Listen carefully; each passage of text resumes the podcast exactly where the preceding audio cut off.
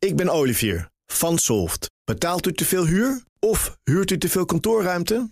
Solft heeft de oplossing. Van werkplekadvies, huuronderhandeling tot de verbouwing. Wij ontzorgen u.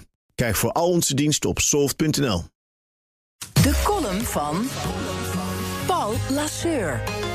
Voor de HEMA is het deze week erop of eronder. 15 juni moet er een reddingsplan op tafel liggen.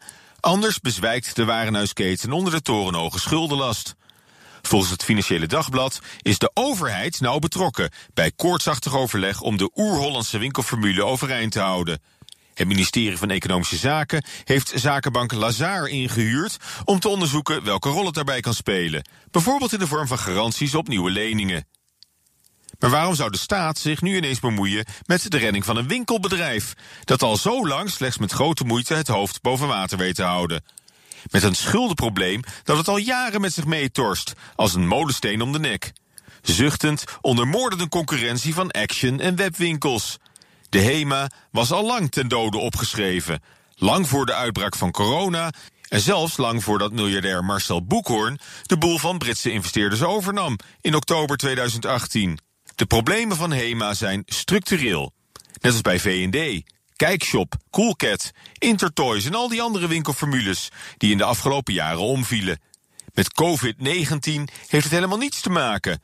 Wel met een diepe crisis in de Nederlandse winkelstraat, die nu al 10, 15 jaar voortduurt. Zelfs van KLM kun je je afvragen of het bedrijf als nodig met belastinggeld moet worden gered.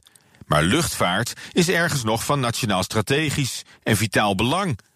Van rookworsten, onderbroeken en tompoezen kan het onmogelijk worden gezegd. Iedereen houdt van de sympathieke HEMA-winkels.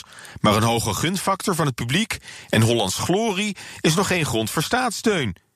De crisis dwingt ons om vooruit te denken, niet terug te kijken naar hoe het was.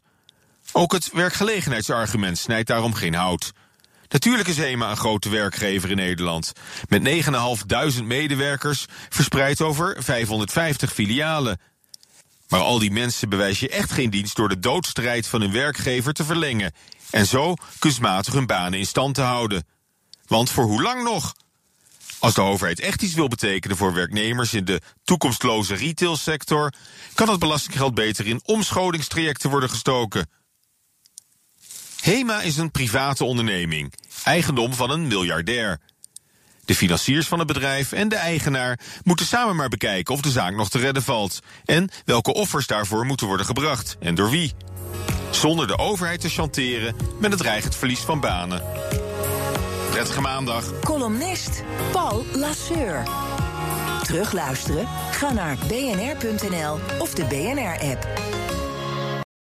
Ik ben Olivier van Solft. Betaalt u te veel huur of huurt u te veel kantoorruimte?